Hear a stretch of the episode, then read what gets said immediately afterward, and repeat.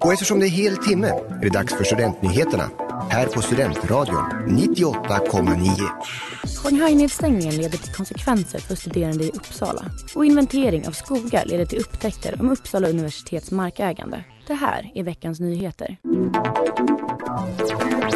Uppsala universitet äger stora delar gammelskog i naturreservatet i Nåsten. Något som framgick av en ny inventering gjord i området. Den 21 april gick Uppsalas naturskyddsförening ut med ett pressmeddelande där de förklarade hur delar av universitetets mark stått helt skyddad mot det skogsbruk som ägt rum i området vilket låter dessa marker växa fritt och bli en viktig del för den biologiska mångfalden. I fjol stoppades Uppsala akademiförvaltnings planer på att avverka stora delar av universitetets skog efter protester från studenter, anställda vid universitetet och boende i området. Uppsala naturskyddsförening beskriver detta som ett stort steg framåt för ett framtida skydd av de hotade skogarna i reservatet.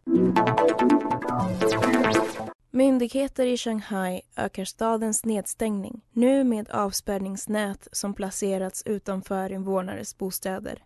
Dessa ska förhindra att människor lämnar sina hem, åtgärd inom regeringens nollfallspolicy. Andra åtgärder har rapporterats av BBC, till exempel larmade dörrar och evakuering av människor oavsett covid-status. Invånarna i Kinas affärshjärta har haft svårt att hitta mat i väntan på leveranser från kinesiska myndigheter. Stadens karantän har nu pågått i mer än fem veckor och den kinesiska regeringen fortsätter att argumentera för hårda restriktioner.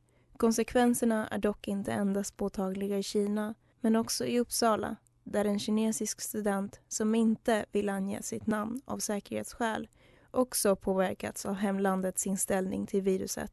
they cancelled all the flights. Uh, I can't go back to China. Then things got complicated. Like my uh, Chinese ID card got expired, but I can't get a new one because I can't get, go back home.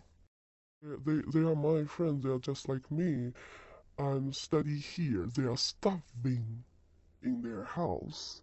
It's kind of I can't imagine. So I feel very very sad and uh, but I feel also useless because I can't do anything for them. Uh, so kind of get uh, depressed again and also worried about them, worried about my parents and yeah that Ja, that affect me a lot. Du har lyssnat på nyheterna i Studentradion 98,9 som producerades av mig, Jessica Fernandez och Ruth Bruse.